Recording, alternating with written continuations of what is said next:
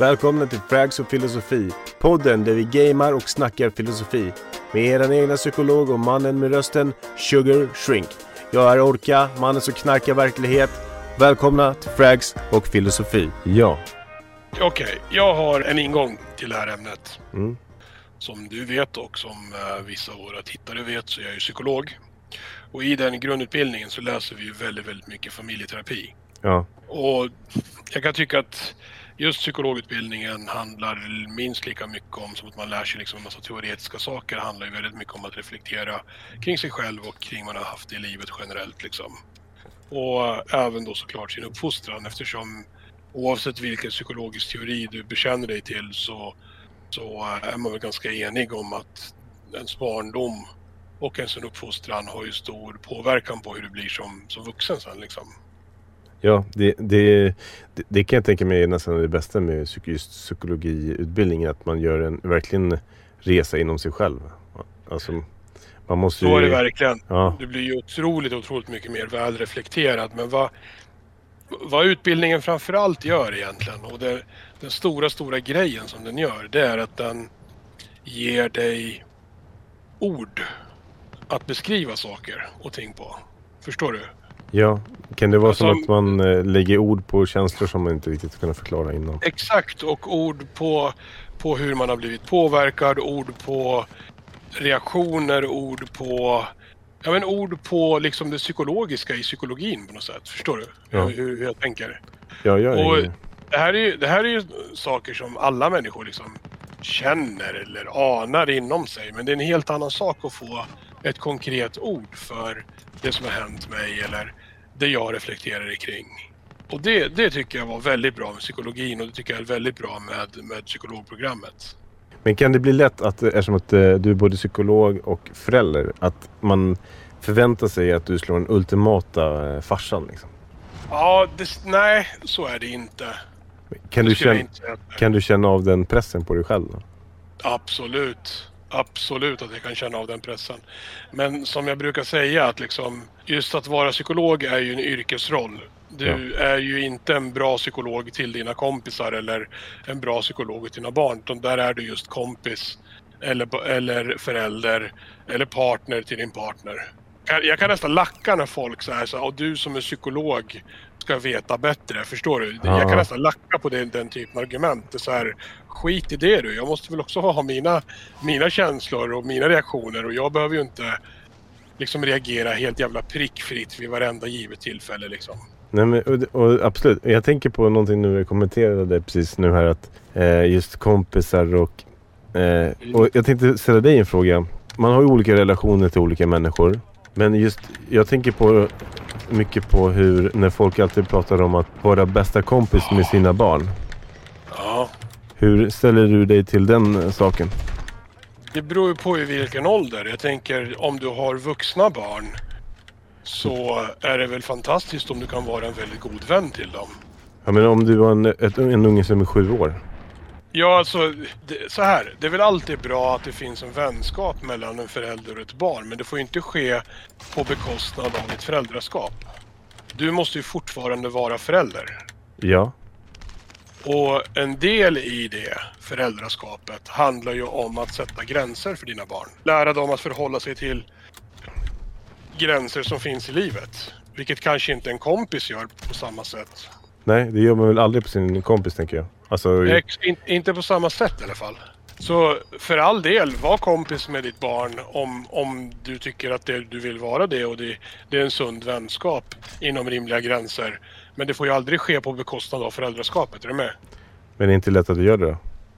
Om man just kontrar, kontrar det med att man är sin bästa alltså kompis med sitt barn. Liksom. Det, det jag tänker är väl att det måste ske, alltså det måste ju finnas grader. Alltså det är klart att du kan vara 90% förälder och 10% vän med ditt barn när barnet är 7 år gammalt. Och när barnet är 15 år gammalt. Ja. Att du i takt med att barnet blir äldre minskar ner kanske på föräldraskapsbiten och ökar, ökar vänskapsbiten. Ja, absolut. Men, Så att det sker gradvis. Men Jo. ja, nej, jag köper inte att du är bästa kompis med ett barn som är sju år gammalt. o- Om du inte är förälder också. Det känns som att det är en grej som du har funderat mycket på det där. Ja, nej, men eh, för jag är typ riktig motståndare, eller inte motståndare, men just när om det är någon som är väldigt ung och så här, ja, men jag är ju bästa kompis med mitt barn eh, och lilla Hampus är sju. Men alltså, jag pratade precis med min kompis eh, bara häromdagen om att när man eh, har det, det samtalet, att man, man, man, lyfter upp vissa frågor, alltså man tar ju upp vissa ämnen med sina bästa kompisar som man inte gör med sina barn. Eh, och tvärtom, att barnen kommer inte ta upp samma saker som de säger till sina bästisar som de säger till sina föräldrar. Eh, man eh, kanske inte riktigt vågar eller man har inte en connection med sina föräldrar och att, om man pratar kanske öppet om in, sin sexualitet utan det kanske man gör med sina kompisar först. Exakt. Hänger du med? Så det, Menar du, menar du att det finns föräldrar som... Eller då känner du till föräldrar som pratar på det sättet? Nej men jag, om, om sin sexualitet till exempel? Vänta. Eh, Nej, nej, nej. Alltså just, nej. eh, Det jag min tanke är ju att just att det är, oli, det är olika roller. Alltså är man förälder så kan Ja. jag sätta krav på, på mitt barn. Eh, eh, konsekvenser. Och det gör man ju inte på sin bästa kompis. Nej, det stämmer. Eh, och där också eh, att det felar för att, för att vi, du är ju en förälder till, till ett barn. Men sen också att, att ett barn som är i tonåren som kanske eh, s- söker efter sin ident- identitet också vänder sig till sina kompisar som är sina bästa kompisar. Vi, och vi just när man är liksom, jag vet inte riktigt den psykologiska åldern, men om man är mellan 15 och 20 då kanske man inte vänder sig till sin, sin mamma och pappa i första taget om vissa sådana eh, såna frågor. Eh, jag hade ju önskat att mina barn gör det. Men Mm. jag tror också att de är ungdomar och kommer vända sig till sina kompisar, vilket jag tycker är jättebra. Mm. Eh, och sen att man har en, den, den rollen att man... Att, att jag tycker att det är bra att man har en föräldraroll. Att, att det är liksom... Det är någonting fint att vara förälder. Och bästa kompis, man har ju sina kompisar. Jag som vuxen Mm. person har ju mina kompisar. Så är det. Och jag vill liksom inte... Och jag tycker att det är fint att säga att ja, jag kan verkligen... Uh, när min Julia blir äldre, att, att vi kan umgås och vara som kompisar. Mm. Men då är vi också äldre. Exakt, och när man är äldre så tycker jag att det är helt okej. För vi får inte glömma bort att en viktig del av att växa upp, alltså om vi pratar personlighetsmässigt och psykologiskt, handlar ju också om att frigöra sig från sina föräldrar. Ja. Om vi tittar liksom på det väldigt lilla, lilla spädbarnet så kommer ju det precis när det föds från en tillvaro där barnet i princip är i symbios med mamman. Eller symbios stämmer inte för symbios skulle, förut, skulle någonstans implicera att mamman får ut någonting av graviditeten och så är det inte. Det är en liten parasit skulle jag vilja säga. Bebisen. Ja. Men det är ju så. Ja, men- Bebisen tar ju, tar ju all, all energi och all resurser. Det är inte som att den gravida mamman får tillbaka liksom eh, någonting av det förutom liksom efter nio månader och man Men upplever Men nu, Någonting nu, annat. kan, nu kan inte jag bli gravid. Men kan inte det vara en, en del av resan som gravid kvinna? Du kan ju fråga din fru. såklart. Att det är så här, Det måste ju vara en, en rätt cool känsla att kunna vara gravid. Att så här, det växer inuti mig och förhoppningsvis så mår man bra under hela sin graviditet. Såklart, såklart. Och, men sen finns det ju såklart de som inte mår särskilt bra. Och det, ja, jag vet bland annat mina systrar till exempel som när de är gravida kräks varje dag flera gånger om dagen hela Mm. graviditeten. Eh, och går ner i vikt, vet. De, de skulle nog inte skriva under på att det är lika trevligt att vara, att vara gravida. Men det är klart, det finns ju graviditeter som förlöper jävligt nice och där man mår bra. Och det är väl bara att tacka och ta emot, tänker jag. Ja, lyx. Tar du den där då? Japp. Nej men och just eh, men jag kan hoppa in på hur spartanerna i alla fall eh, fostrade sina barn. Mm. Bara för att vi ska kunna jämföra hur vi tar hand om våra barn. Ja, Spartanerna var ju liksom, är ju kända för att ha sin egna kultur. ja, Eh, och de har ju alltid varit kända för att vara väldigt, så här, vid födseln så har man något fel och inte perfekt då hivas man. mm. Eh, och sen eh, efter födseln så, så ska ju allting vara en bra början. Mm. Eh, du då, eh, I Sparta så är det ju föräldrarnas ansvar att fostra barnen tills de är sju. Mm. Och Sen efter, tog staten över. ja, sen så startade någonting som heter Ag- Agogen och liknande. Mm. Och det handlar om att man i, i princip gör tjänstgöring. Eh, Precis. och, eh, och då är det som så att staten tar över. Ja men precis. Spartanerna. Alltså så här. Vi kan ta en liten kort historisk tillbakablick här. Ehm, för typ många tusen år sedan så var ju Grekland inte ett land.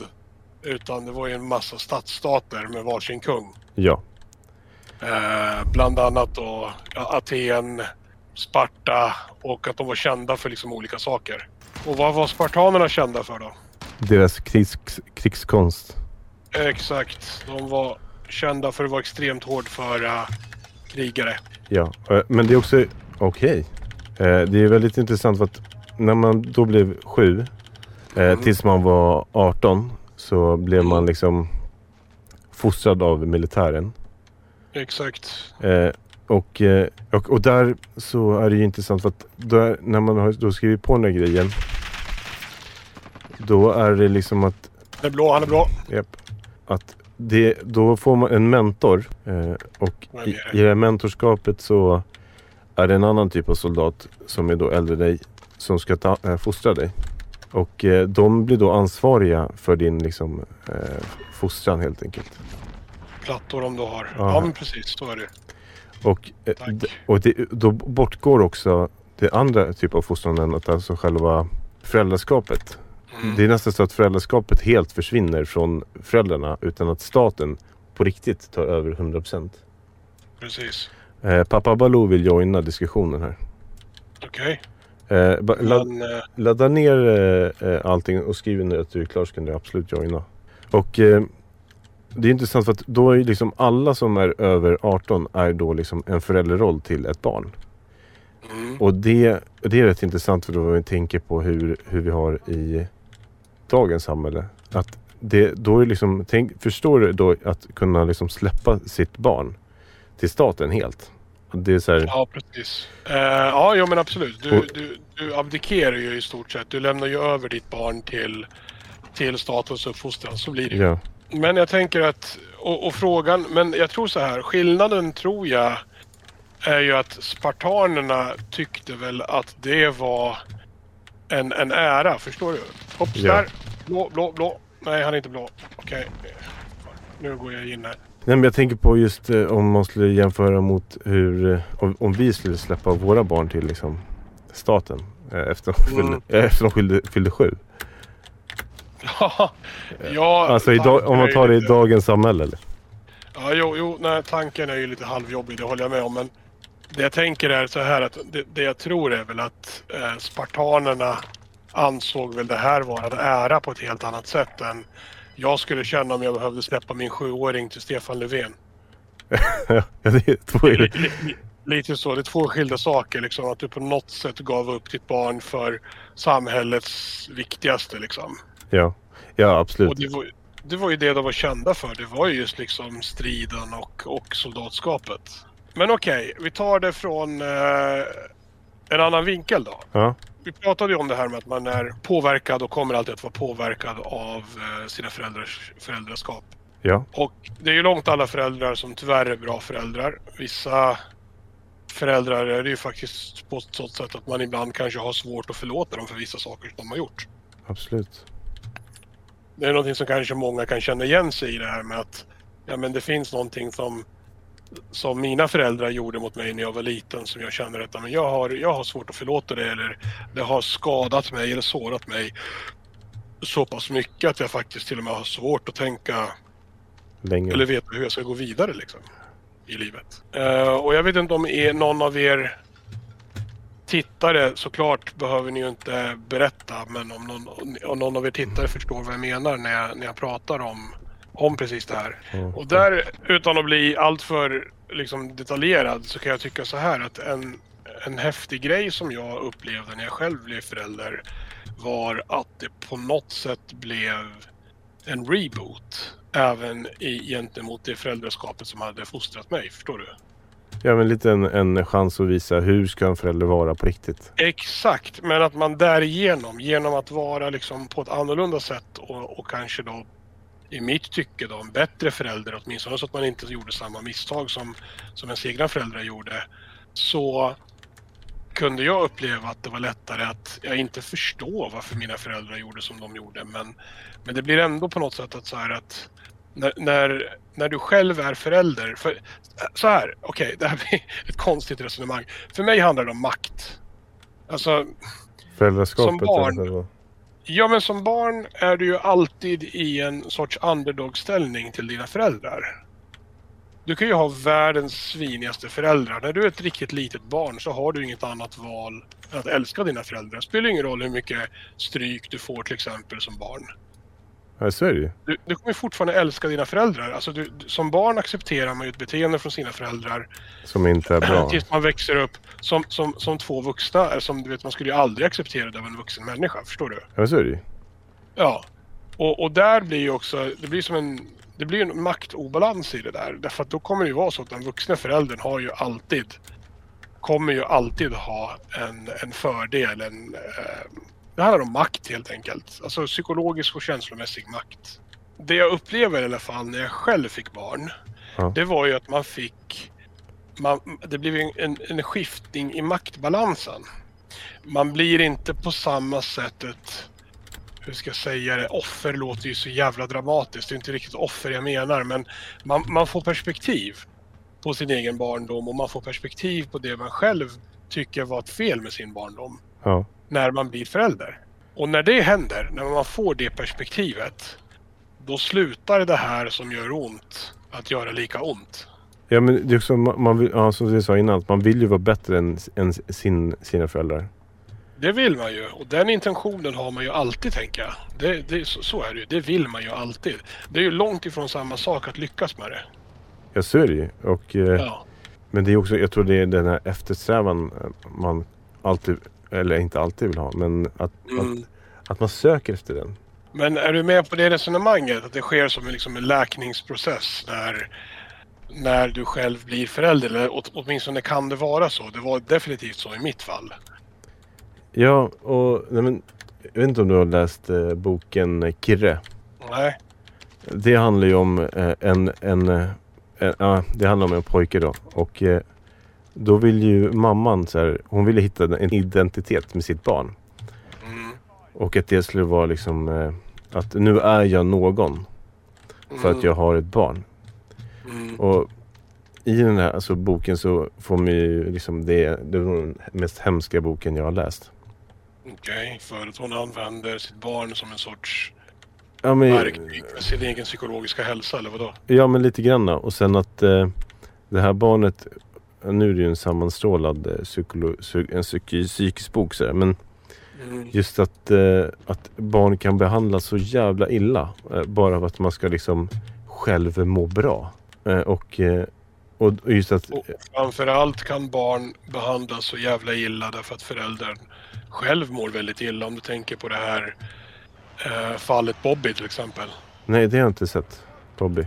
Ja, men det var ju den här sju, åttaåriga killen som blev utsatt för ja, men riktigt, riktigt hemska saker av sin eh, ja, familj. Jo, jo, jo, jo, Jag har ju jo. faktiskt domen mot den här flickan som kallas för Lilla hjärtat också. Ja, ja. Samma eh. sak där. Alltså, apropå det här med makt och de vuxnas makt över barnen. Det är fullständigt jävla vidrigt hur vissa barn blir behandlade. Ja men det är också just i de här fallen, så, eller i, inte Bobbys fall, i Lilla hjärtat, att eh, hon var fosterhemsplacerad först. Eller hur var det? Mm. Och sen blev hon, ville föräldrarna ha tillbaka henne. Ja just det. Baloo, är du med oss nu eller? Ja, det menar du. Nu ja. hör vi dig. Nu hör vi dig Baloo. Då har vi fått med oss pappa Baloo med i eh, podden här. Och för er som inte vet det så är alltså Baloo och Orka bröder. Hur som helst, välkommen Baloo. Uh, du har suttit och lyssnat på podden lite grann kring det här med föräldraskap och du hade uh, någonting på hjärtat. Jag lyssnade lite grann och sen tänkte jag fan jag hoppar in och hakar på för jag tycker att det är ett viktigt samtal. Ja, men visst är det det. Ja, för jag lyfte upp det till dig för någon vecka sedan. Jag tyckte det, att bli pappa är ju är liksom väldigt spännande. Ja, så är det. Och, Bland det eh, mest ja, väldigt ändrande i ens liv eh, och hur man kanske väljer att uh, leva och vad man prioriterar Ja. livet efter också. Precis. De flesta som blir föräldrar får ju ett väldigt skilt perspektiv på livet och vad som är viktigt. Ja, och, ja. ja det, vi måste nästan prata lite om eh, saker som är skillnaden när man får barn. Och inte. Typ som att folk har ett uteliv och inte har ett uteliv. Till exempel. Ja, precis. Precis. Jag kommer ihåg att, och det är ju liksom när man har små barn och det här det absolut finaste, sexigaste, absolut bästa någon kan göra för en, det är ju att låta en sova. Eh, efter, innan eller efter. Alltså, alltså man är ju aldrig så, ja men efter att man har fått barn. Ja, Man men, är ju aldrig så, så lycklig som när man får sova som småbarnsförälder. nej, men, och det, är man ju så, livet är asnice. men det är som när första gången som, eh, som man har så här, barnfri. Mm. Och hur många som bara, "Ah, nu ska vi Ja, iväg. Vi ska iväg Ja. och typ eh, Vi ska kolla på bio. Vi ska se till att Ja, få, få lite tid för oss själva. mm, Och så slutar det alltid med att det är någon som somnar i soffan liksom. exakt så. För att det är det man behöver göra. Ja. Och det borde egentligen vara det man faktiskt planerar in. Att sova. Ja. Återhämtningstid. Återhämtningstid. Men okej, vad förändras då? Vad, förutom det uppenbara då? Vad förändras när man blir förälder? Jag tycker framförallt att man blir så jävla mycket blödigare. Liksom. Man, man förstår att eh, alltså, ens barn eh, kan gå... Alltså, det, de kan ju verkligen råka illa ut och man blir mycket mer försiktigare tycker jag. Det håller jag helt med dig om. Just blödigheten håller jag helt med dig om. Jag kan inte ens minnas att jag var i närheten av så här blödig innan jag fick barn. Men på riktigt, jag, jag tror att jag är den blödigaste människan jag känner. Uh, var har vi det Jorka? Ja, jo, men alltså det är helt sjukt. Alltså, det är verkligen så här en stor, stor skillnad.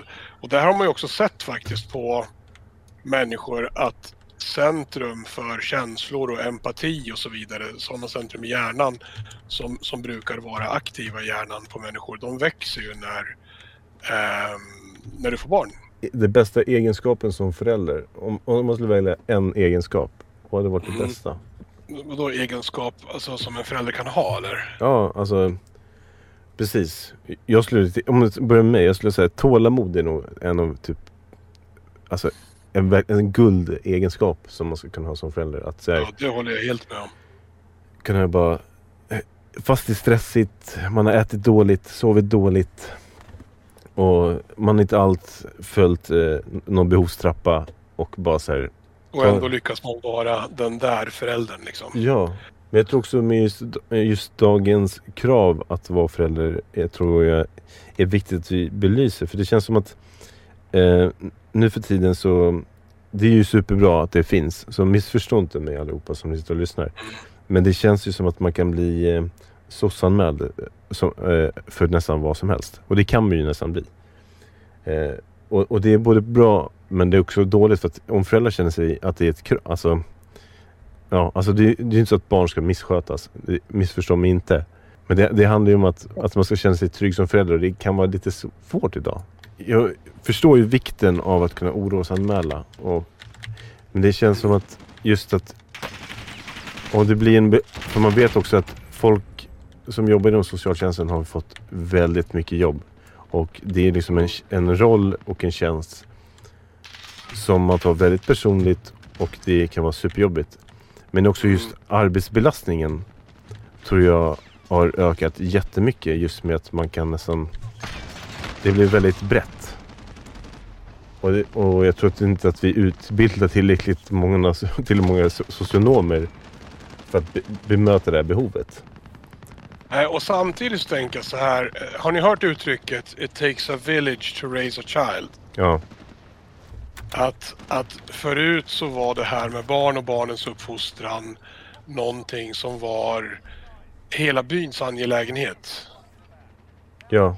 Det var allas angelägenhet att det blev bra barn. Det var, allas intresse av att lägga sig i och både vara faders, moders, alltså föräldrafigur men också mentor och alla tog ett gemensamt ansvar för barnet.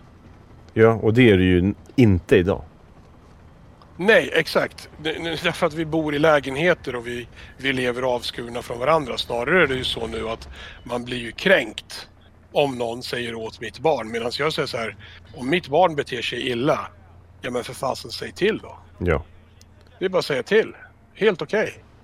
Kan det inte ha med att man som förälder är så rädd att misslyckas och så fort någon kommer med eh, negativ feedback så kan det vara att man tar så illa upp för att Så- man är så är rädd det. att vara- se ut som en dålig förälder. Så är det absolut, samtidigt som man har pressen på sig att vara den här perfekta föräldern också. Eller vad, man, vad, vad det nu är för någonting.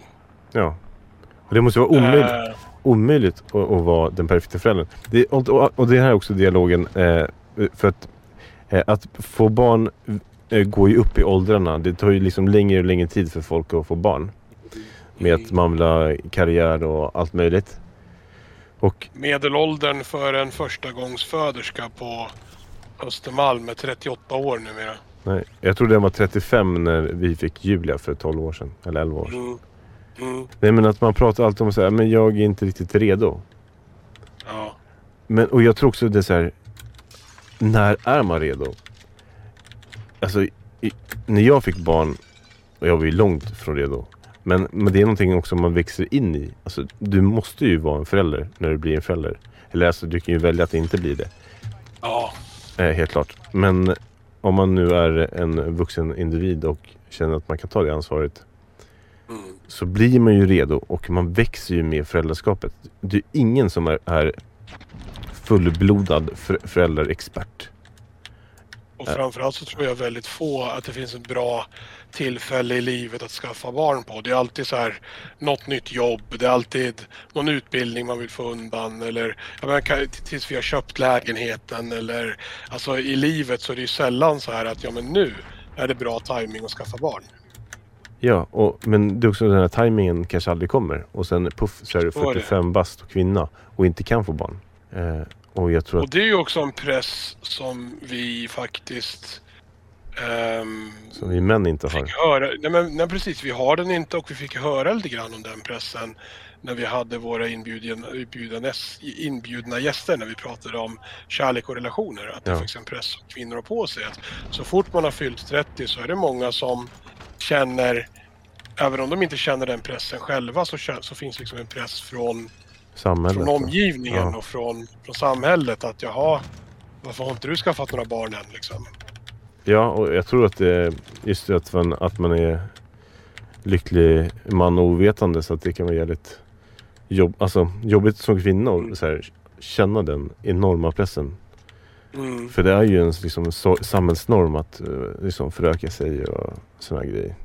Och att det ska ske, och att det ska ske liksom inom ett visst tidsspann. Ja, och det, det låter ju enkelt men bevisligen inte. Jag tror att såklart det finns alltså, förutsättningar för att ha bättre alltså, eh, värld för sina barn. Typ eh, ha ett boende, skaffa ett jobb och ha en bra utbildning. Det är ju Mm. liksom jävligt bra att kunna ha det. Än att inte ha det. Om, om det är någonting som jag eh, har pratat med om kollegor, kollegor känner att ah, de ska bli, jag ska bli farsa, ja, men det är skitkul liksom. Mm. Men eh, en grej som jag märkte som inte någon pratar om är att Ja. liksom eh, att man inte kanske får de här oj jag är pappa-känsla direkt utan det tar typ ett halvår. Det tog, det tog ett halvår för mig innan jag kände någon typ av känsla för min son. det. Just det, det är en jävligt, det är en jävligt bra poäng det där Baloo. Så är det. Alltså, det finns någon sorts förutfattad mening om att du ska känna det där sekunden ungen ploppar ut och så känner du liksom att wow, du och jag, min son, för all framtid. Och så är det ju inte riktigt, eller hur? Nej, jag upplevde inte så, utan det tog ett halvår för mig. Sen när jag sa det till några kollegor eh, de bara, så där har jag känt hela tiden. Vad skönt att du säger det. Mm. Jag tror inte det är någonting man pratar om. Utan som du säger, så ska, Nej. det ska vara så att du känner så. Punkt. Exakt så. Och tänk dig då ännu värre då för kvinnor. Som, för det, för vi, det är klart, vi dömer ju, dömer och dömer, men vi dömer ju kvinnor hårdare om de inte skulle känna så direkt från början. Men det är faktiskt Ja. ganska vanligt att du kanske inte känner att oj, jag älskar det här lilla knytet av hela mitt hjärta bara för att du har fått barn. Det är inte alls ovanligt. Men också, det, är inte det också en, här, en psykologisk grej att eh, när... Eh, oj, det var någon här i närheten. Men när någon eh, liksom föds, att då är det ju så här att det är viktigt att mamman och barnet knyter an. Ja. Eh, just vid födseln. Så Men jag tycker det är en jävligt viktig grej som Baloo, som Baloo eh, lyfter här därför att ehm, jag tror att de flesta av oss kan känna så här att instinktivt behov när en bebis är ny, nyfödd. Att, att skydda den, att värna den, att, att uh, göra allt man kan för att det här... För det är liksom en så primitiv känsla man har att jo, men det är mitt jobb som vuxen människa att se till att du överlever. Ja. Men just det här djupare connectandet som förälder tror jag absolut kan dröja ett tag innan det kommer. Ja, och det får väl ibland också låta det ta sin tid. Exakt. Det, Det är liksom inte riktigt någon brådska. och det, det är också det som är lite, kan vara lite tråkigt när man alla förväntar sig att det alltid ska bli perfekt jämt varje gång. Mm. Eh, just att, just att, men det är ju också ett krav som förälder att man ska liksom älska sina barn. och Mm. det finns ju någon så här, eh, man måste hata sina barn för att älska dem liksom. Ja, precis. För att, Du menar att... nej, men just att det, det är ju faktiskt väldigt krävande att ha, få barn och vara förälder. Det är Mm. inte det lättaste. Fönstret, fönstret. Ja, jag är nere. Förbannat. Jag är också nere. Jo, men jag som liksom har jobbat som chef i några år och när man... Eh, när folk ska gå på, på föräldraledighet Ja, så ehm, är det ju lätt att som, som arbetsgivare, som arbetsledare tänka att "Ja, men fan också, eh, nu får jag tapp i produktionen eller nu måste jag rekrytera en vikarie eller vad det nu må vara. Va? Det blir så här bökigt liksom. Folk ska få barn och ha sig. Eh, och, och jag vet att anställer jag någon mellan 25 och 35 år då vet jag liksom att någon gång under deras anställning så kommer de att vara föräldralediga. Kanske inte bara en utan till och med. Då kommer de att vara föräldralediga kanske till och med flera gånger. ja, men det som är intressant, eh, apropå då, liksom det här med att vara förälder och att det kanske är det absolut tuffaste man har gjort. mm, Det är ju att du avsevärt flyttar, flyttar ribban för vad du tycker är jobbigt i livet. ja, Alltså, när man kommer tillbaka från en, en föräldra, föräldraledighet då är man ju bara glad över att kunna få dricka en kopp kaffe eller bajsa i fred. Ja. Och det, får, och det får man inte göra heller, heller än idag. Liksom. Och mina barn är sju. Men det jag menar är bara, det jag menar är bara att om du som anställd har tyckt att vissa saker är jobbiga innan du går på föräldraledighet så kommer du tycka att de är en barnlek när du kommer tillbaka från föräldraledighet. Det finns ju också forskning som visar på att just människor som har varit föräldralediga är mer effektiva på jobbet. De är också mer stresståliga. Eh, och de är mer kreativa när det gäller att lösa problem på jobbet. Vilket är ganska häftigt ändå. Så det verkar ju som att, att gå igenom det här som är skitjobbigt, det vill säga, och det måste jag ändå säga, att skaffa barn, testa den till max. Ja, Tycker jag. Det testar den till ens absoluta maxgräns för vad man pallar av. Mentalt och ibland fysiskt också. ja. Något för att träna sitt psyke så är det ändå att skaffa barn som pushar en Exakt så. För att bli den bästa människan ever alltså. Och då blir ju en deadline på jobbet så här, jaha, okej, ja, det, ja, jag fixar det. Det är väl inga problem. Man skiftar perspektiv. Ja, det är väl rätt bra när folk blir duktiga på det. Mm. Eh, eh, och, och det måste man också som eh, person att kunna skifta perspektiv. Just arbetsmässigt och Mm. alla andra så här, perspektiv man behöver i livet. Det är inte alltid lätt att skifta perspektiv. Och jag jobbar ju som fritidsledare. Och eh, jag jobbar ju också i min kommun som fritidsledare.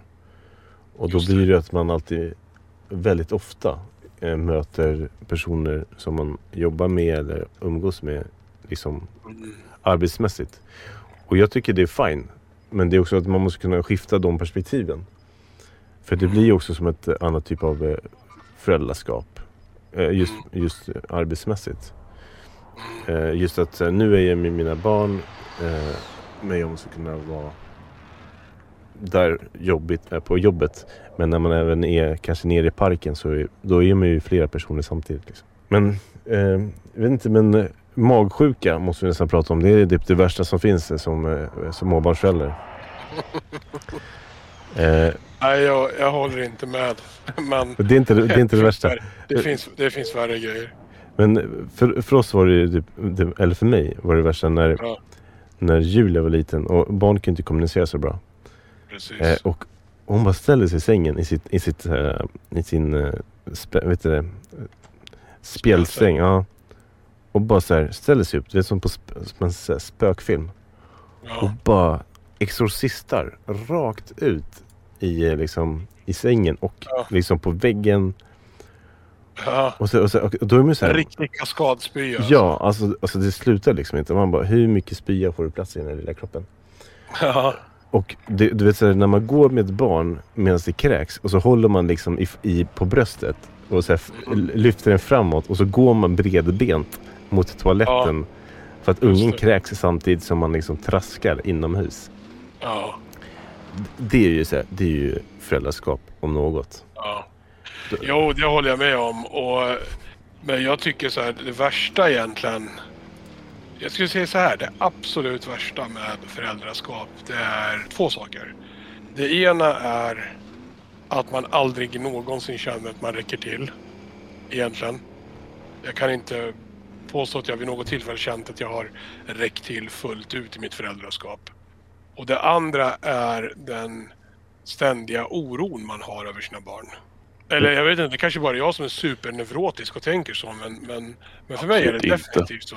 Det är definitivt så liksom att jag, när de är riktigt små, de är febriga, precis som du säger, de kan inte kommunicera, man vet inte vad som är fel, man vet inte hur man kan hjälpa på allra bästa sätt.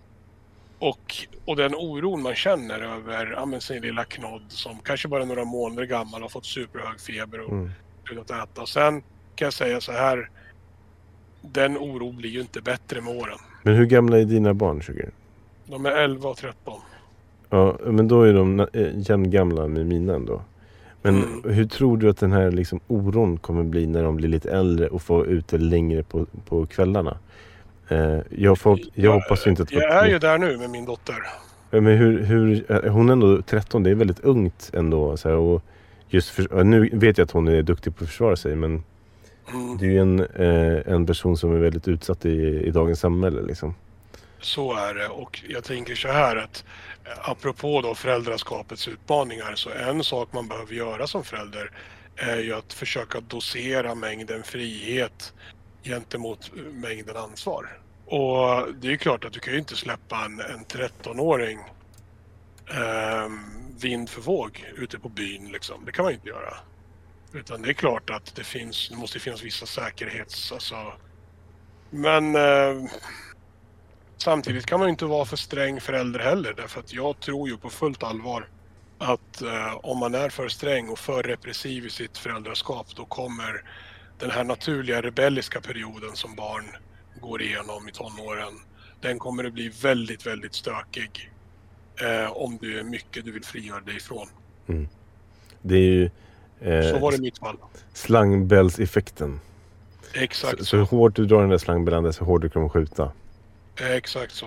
Ja, men det, det, det måste vara nog jättesvårt att vara alltså, förälder och hitta den här balansen. Jag menar, Ja, det, så är det. eh, eh, det känns lite som där vi jobbar att det finns ju många föräldrar som inte ett, alltså, bryr sig ett piss om sina, sina barn och vad de gör Mm. på kvällarna. Medan det finns föräldrar som, alltså, som verkligen är där för sina barn och det är fotboll så de är alltid där och hänger med. Och, och, och det, det betyder ju inte bara för att eh, Alltså, för det kan, gå alltid, det kan ju alltid gå, eh, bli dåligt för var, alltså, Det spelar ju större, ing, egentligen ingen roll. Eh, för det kan ju alltid, ett barn kan ju alltid snea liksom på något sätt. Ja, det, är, det, är svår, det är svår balans det här med föräldraskap. Alltså det är att bli... Inte för mycket och inte för lite. Nej, just det här ordet lagom är jäkligt bra alltså. Ja, precis. Lagom av det ena och lagom av det andra. Det finns ju mycket att säga om det här ämnet alltså. Nej men uh, summa summarum. eh, något av det mest absolut mest utvecklande man kan göra men också kanske det absolut mest krävande man kan utsätta sig för är att bli förälder. I alla fall om man aspirerar på att vara en någorlunda hyfsad förälder. Ja. Och eh, jag tror att, att vi, det är också trycka på att det är okej att inte alltid vara perfekt. För det är också, Våga prata om, våga, våga prata om att man tycker att det är jobbigt. Ja, det är lite, lite skämskudde om man skulle tycka att det är jobbigt. Mm. Samtidigt tror jag inte det finns någon förälder som inte går igenom det kan säga att Nej fan jag tog mig igenom de första 18 åren av mitt barns liv. Det var som en dans på rosor liksom. Ja, eller hur? Eh, det finns ju inte, det existerar ju inte liksom. Nej. Någonstans. Ja, den föräldern skulle jag vilja träffa. Eller hur? Ja, men då så hörni. Då eh, vill jag tacka så mycket för en bra podd idag. Vi Ja. tackar först alla er som har eh, lyssnat. Och tack för er som har tittat på streamen. Tusen tack Orka och tusen tack Baloo för, för ett bra avsnitt idag. Tack för att du har lyssnat på Frags och filosofi. Dessa avsnitt spelas in live på Twitch. Och vill du vara med i nästa avsnitt, skriv i chatten eller spela med oss som gäst. Vill du lyssna på fler avsnitt så finns vi på Spotify och på Tyresö närradio. Länk finns nedan. Tack för att du har lyssnat.